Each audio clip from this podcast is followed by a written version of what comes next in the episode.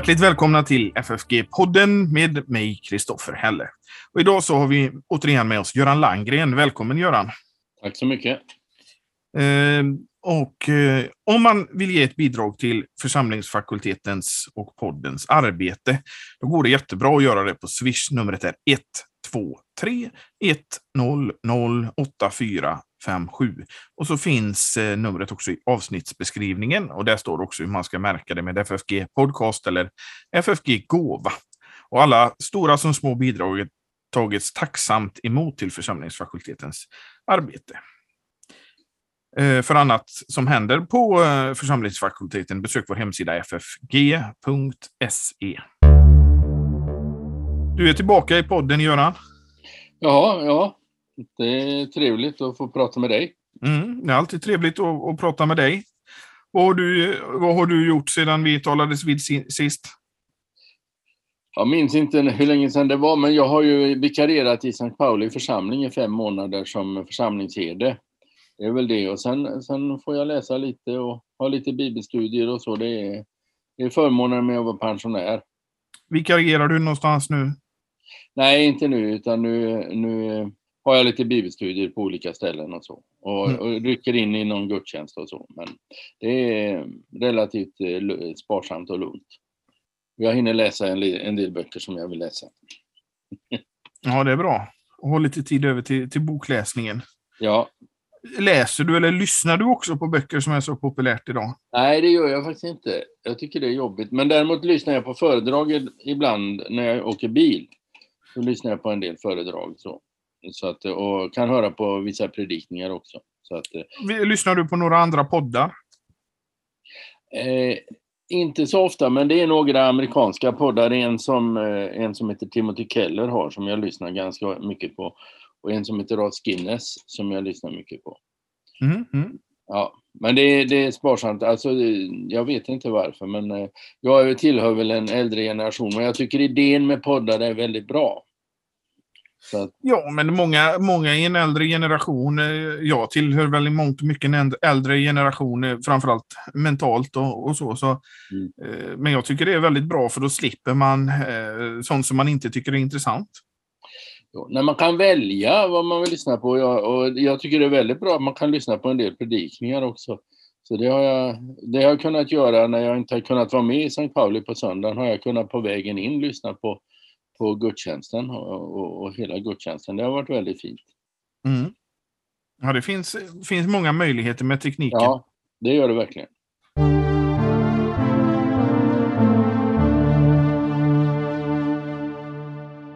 Vi tänkte att vi skulle prata lite om eh, Nehemja idag.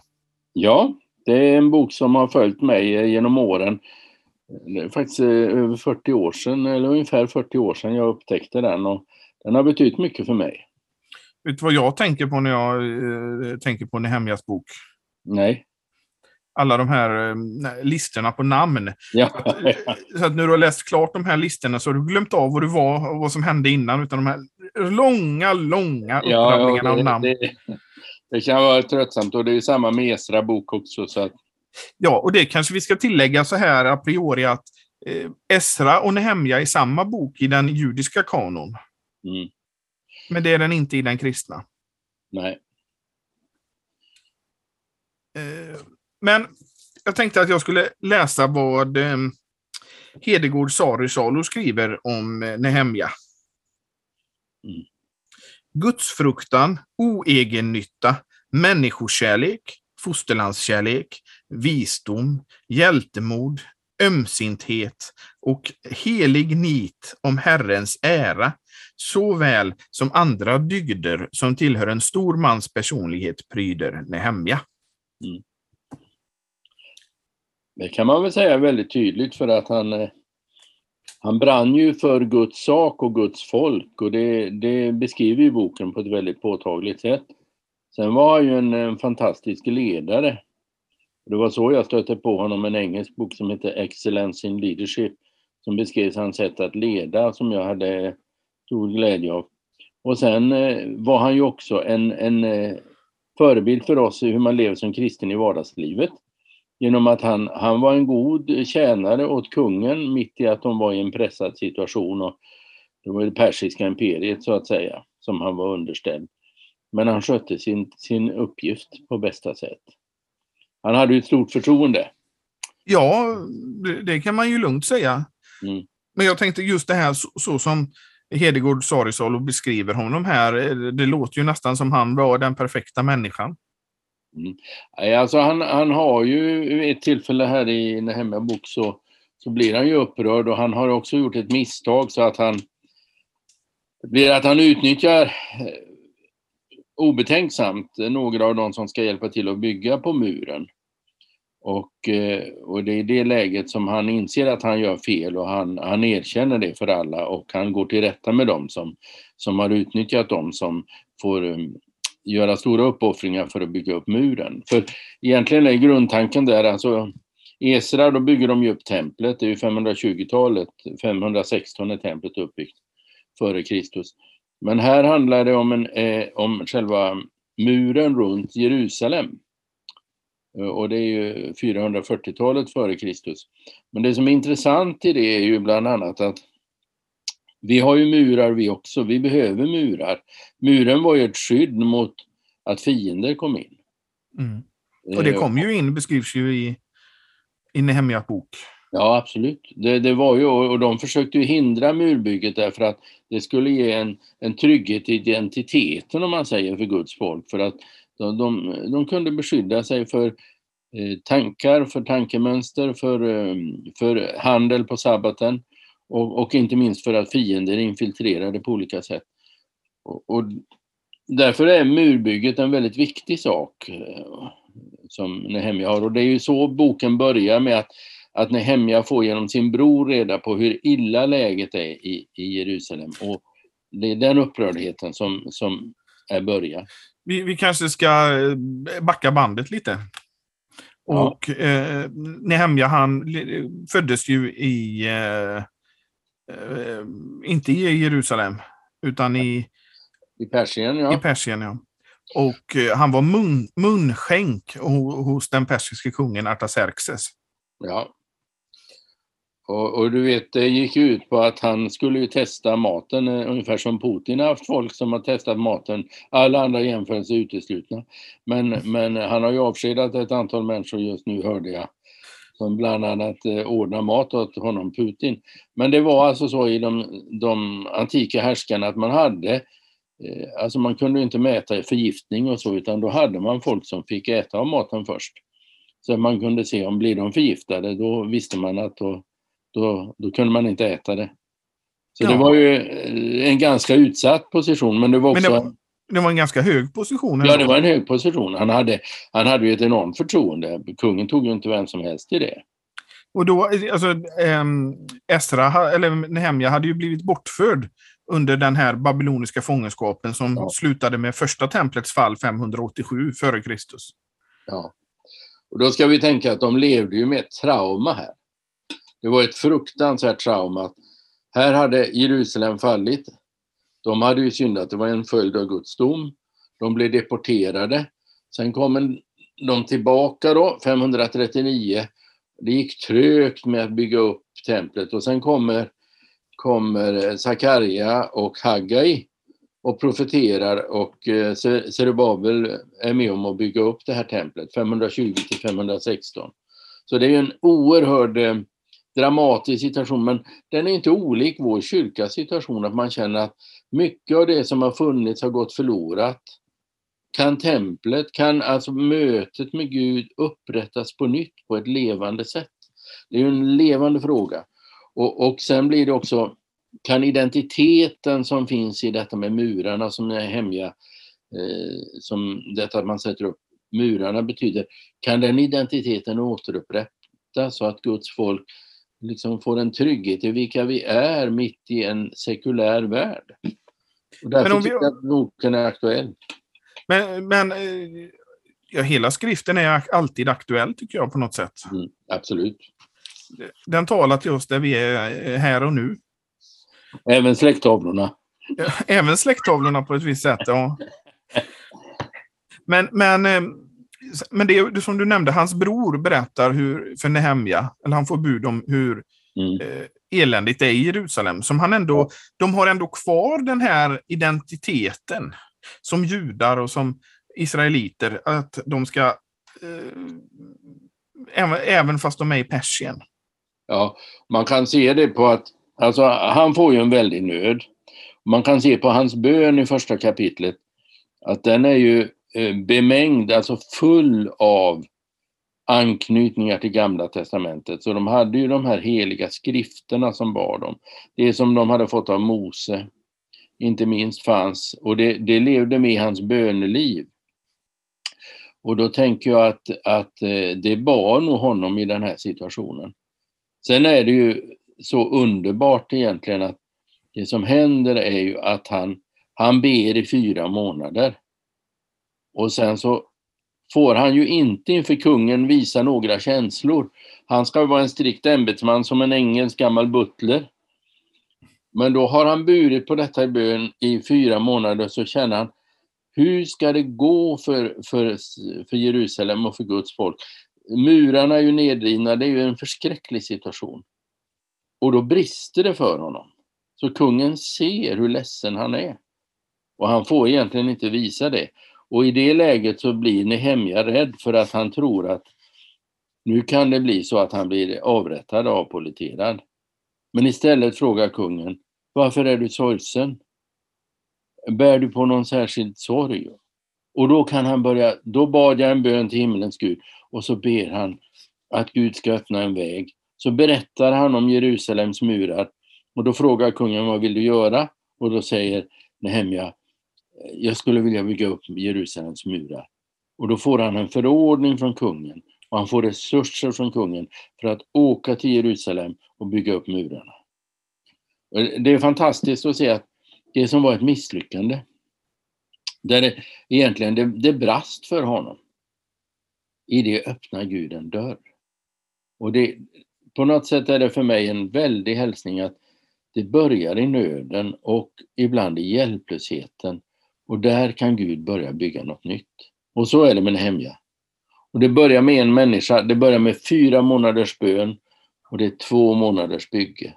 Det kan säga någonting om vilken betydelse bönen har. Inte för att förtjäna Guds insats utan bara för att komma i våg med Gud och lära känna Guds hjärta. Och i det växer det här fram. Och det, det är ju, eh, Pauli ord ekar ju här med att den som, för den som Eh, förtröstar på Gud samverkar alltid det bästa. Ja, och, och det, det, är så fascinerande att se att misslyckandet i det gömdes eh, välsignelsen. Det är ju eh, faktiskt något enormt i det. Det fanns en bok som, jag vet inte om du har läst den, men det fanns en, en pingstvän som heter David Wilkerson, jag vet inte om du känner till honom? Nej.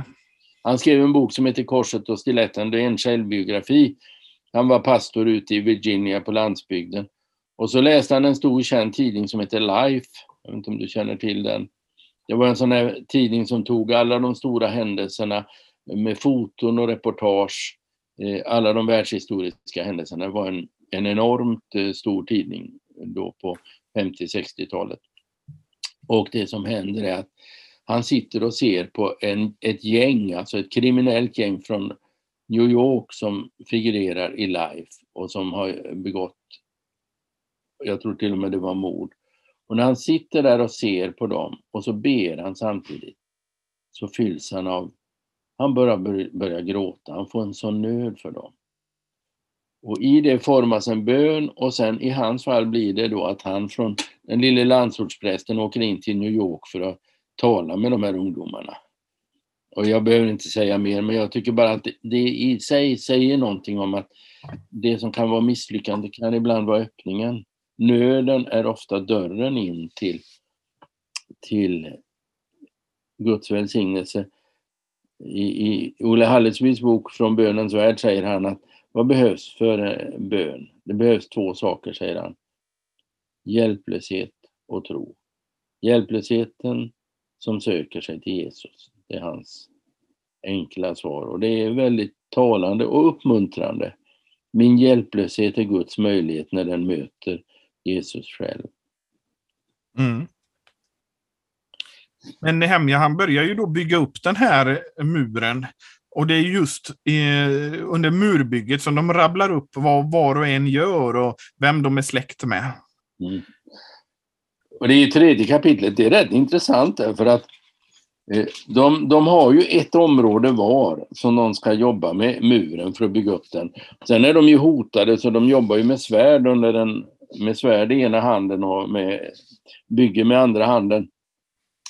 Men jag tycker att det är väldigt starkt därför att eh, det alla är engagerade i, där de bor så att säga, så har de sitt område som de ska sköta.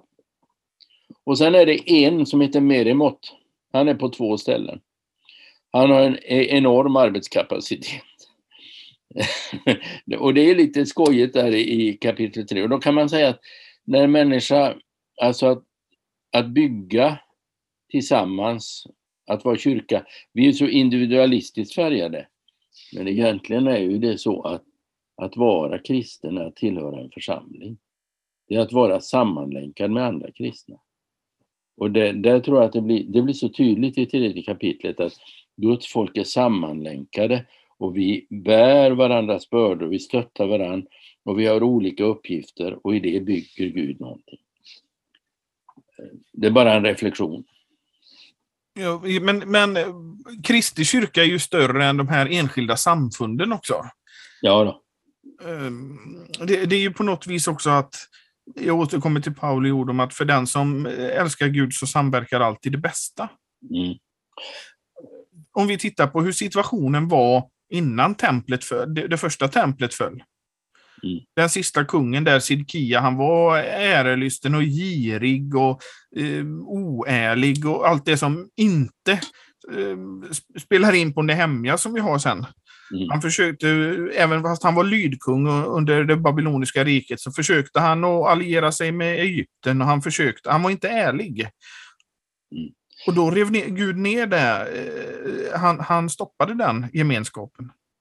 Och det är ju intressant att bara några årtionden före honom så hade ju Gud sänt en väckelse i Israel genom eh, Josias reformation. Mm. Sen blev ju Sia lite övermodig och föll 609 där. Eh, han mötte farao Neko och blev dödad faktiskt. Men det var egentligen Guds hälsning att här finns en öppning och sen när han hade stupat så förföll folket igen och så kom domen. Och de blev deporterade då, de viktigaste ledarna. Och det blev en annan ledare för de som var kvar och han blev ju mördad. Eh, alltså Gedalia. Men det, det är ju i allt detta finns ju en väldigt stark hälsning om det som Herren hela tiden sa till dem var, vänd om till mig. Och, vi har ju, Jeremia hade vi ju där i, i den här perioden som varnade. Ja.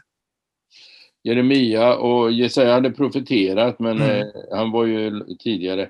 Men Jeremia gjorde det, Hesekiel gjorde det bort, eh, när han väl var deporterad så profeterade han ju om hur Herren lämnade templet. Mm. En väldigt stark eh, i, i, i, eh, i åttonde kapitlet i Hesekiel. Och om man då läser när de ska bygga upp templet, Sakarias bok, så kan man se att det Sakarja beskriver är hur Herren kommer tillbaka till Jerusalem. Och det är också en hälsning att när ni nu bygger upp templet så kommer Herren tillbaka till er. Men templet i det här fallet måste ju också räknas som, som kyrkan. Inte själva stenbyggnaden utan själva de som samlar kring Guds ord.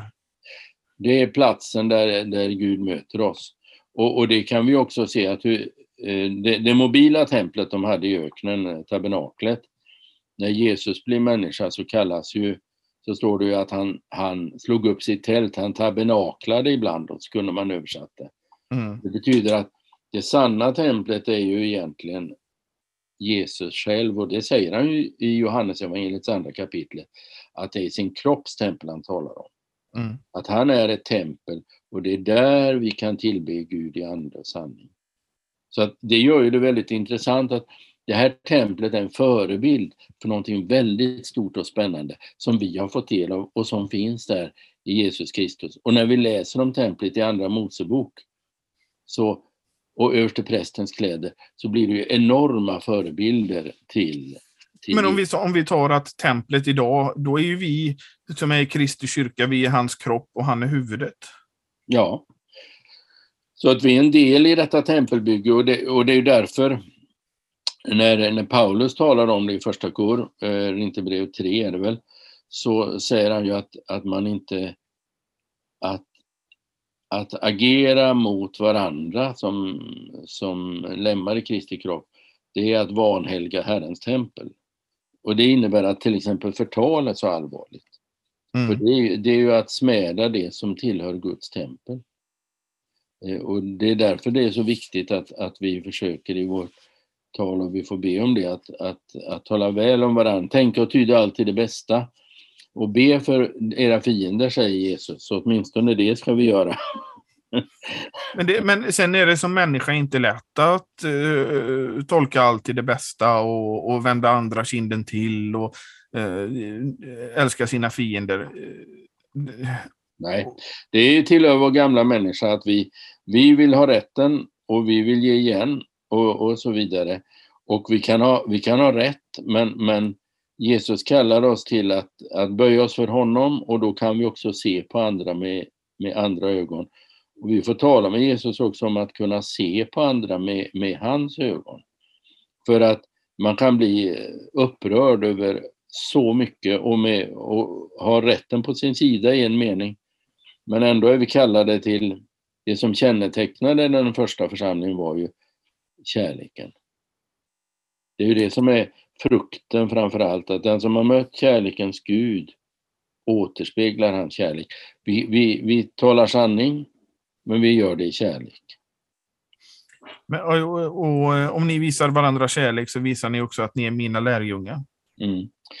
Eh, alltså Jesus har ju också det i Johannes 13 där han säger att det som kännetecknar församlingen är ju det, det sanna kännetecknet. Vi talar ju om apologetik och apologetik är ju goda skäl. Men det stora goda skälet som Jesus lyfter fram, det är kärleken. Utan att förakta apologetiken. Men det är hur förhåller vi oss till varann. Och det blir en väldig utmaning för församlingen, för är det Guds tempel så finns Guds kärlek där. Och präglar det inte oss så är vi tempeltjänare som egentligen inte har vårt hjärta hos Jesus. Och det är det som blir en kallelse till omvändelse för oss ständigt. Men kärleken eh, måste ju ändå utgå ifrån eh, Jesus själv, att för att vi älskar för att han har älskat oss först. Ja, absolut. Eh, det kan ju inte vara så här att man vet att lagen kan aldrig skapa kärlek hos oss. Vi måste tycka om varandra. Det, det, så fungerar lagen. Vi försöker ta oss samman. Men det börjar där, som för den hemliga hjälplösheten. Här är den här människan kan jag inte med. Jag vet att det är fel av mig. Jag vill tala med dig om det. Jag kan inte se henne med dina ögon. Jag ber om förlåtelse för att jag, jag vill hämnas eller jag, jag ser ont på henne. Och så tackar jag dig för att du har dött för det och, och så ber jag att du ska låta din ande förvandla mitt hjärta. Att du ska ge mig en blick för den människan med dina ögon. Alltså, det måste börja där. Och då börjar det med vad Gud har gjort. Att när vi kan se hur mycket Gud har gjort för oss, då kan också vi vara mer generösa mot andra. Jag tänkte på en sak. Jag gick förbi en, en kyrka häromdagen.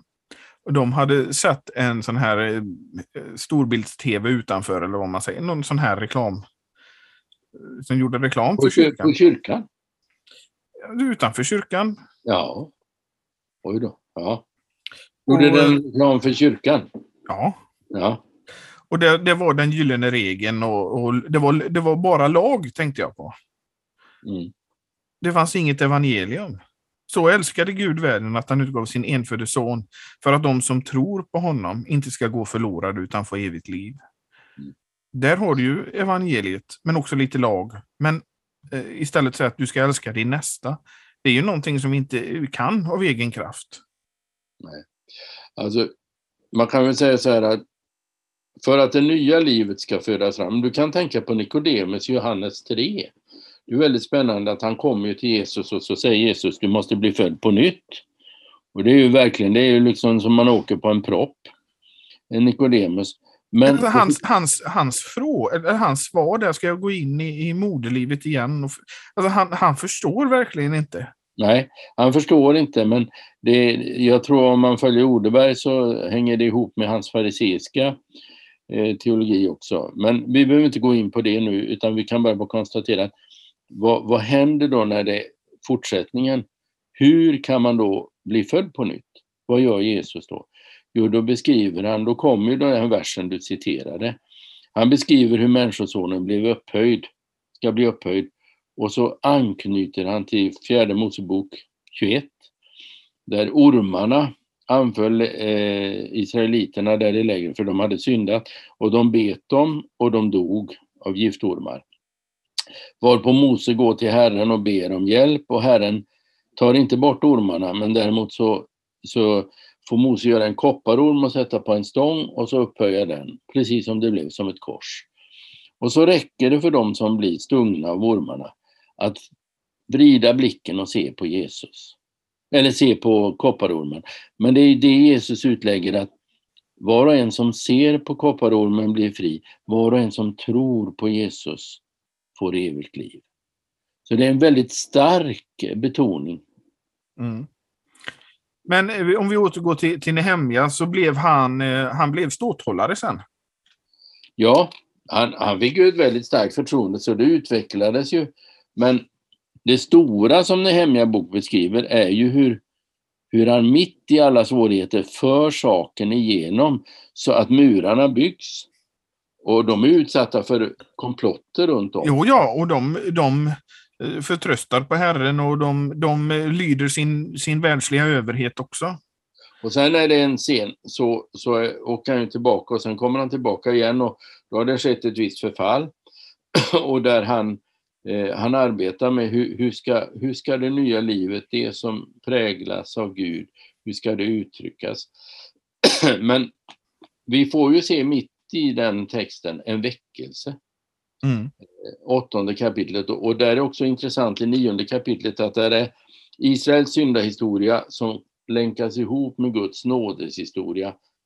Att Herren, Herren gav dem inte till pris utan han han likväl förlät han och började om med dem. Alltså det, det, är som, det är som vår livshistoria med våra synder som länkas ihop med, med Jesu livshistoria som är, som, där han bar våra synder och där vi förenas med honom i förlåtelse och trons liv. Så att Nehemja har ju så många olika saker som är så spännande så att man, man skulle kunna ägna mycket tid åt den, men jag tror ändå att det kan vara bra att ha med sig det här perspektivet. Det börjar ett misslyckande, kan det tyckas. Eh, rent formellt gjorde det det. Men det var samtidigt att det började i bön och så ledde det vidare till en förändring. Och jag tror att det är ett starkt budskap till vår kyrka idag och vår kristenhet, till oss, med det vi håller på med. Att det måste börja i bön. Och eh, inte, alltså nöden, när vi tar in nöden och det får formas i bön, då kan det vändas till någonting. Mm. Men vi kommer inte ifrån att, att nöden är en... Jag tror inte om vi känner nöden, som Guds ande vill lägga det på vårt hjärta. Nöden är ofantlig, att människor känner inte Jesus. Sekulariseringen gör att man tänker bort Gud. Det är alltså en, en, en, en situation för vårt land som är djupt problematisk. Mm. Ja, det, det är inte lätt. Nej, och då, då är, men här finns öppningen. Din hjälplöshet, min hjälplöshet och när den vänds till Gud kan ge en öppning där Gud börjar agera. Och han börjar agera med att lägga nöden på vårt hjärta. Ska vi ta eh, och avsluta där, Göran? Ja, vi kan avsluta. Det finns så mycket mer, så jag vill bara uppmuntra alla eh, att läsa Nehemja. För den, den har mycket att säga. Och läs också om Nehemja som ledare. Det finns så mycket spännande. Och, och eh, försök att komma ihåg alltså, var ni var innan de här eh, listorna på namn börjar rabblas upp så att ni inte tappar bort det när ni har läst de här namnen. Det är väldigt lätt att komma av sig kan jag säga. Ja.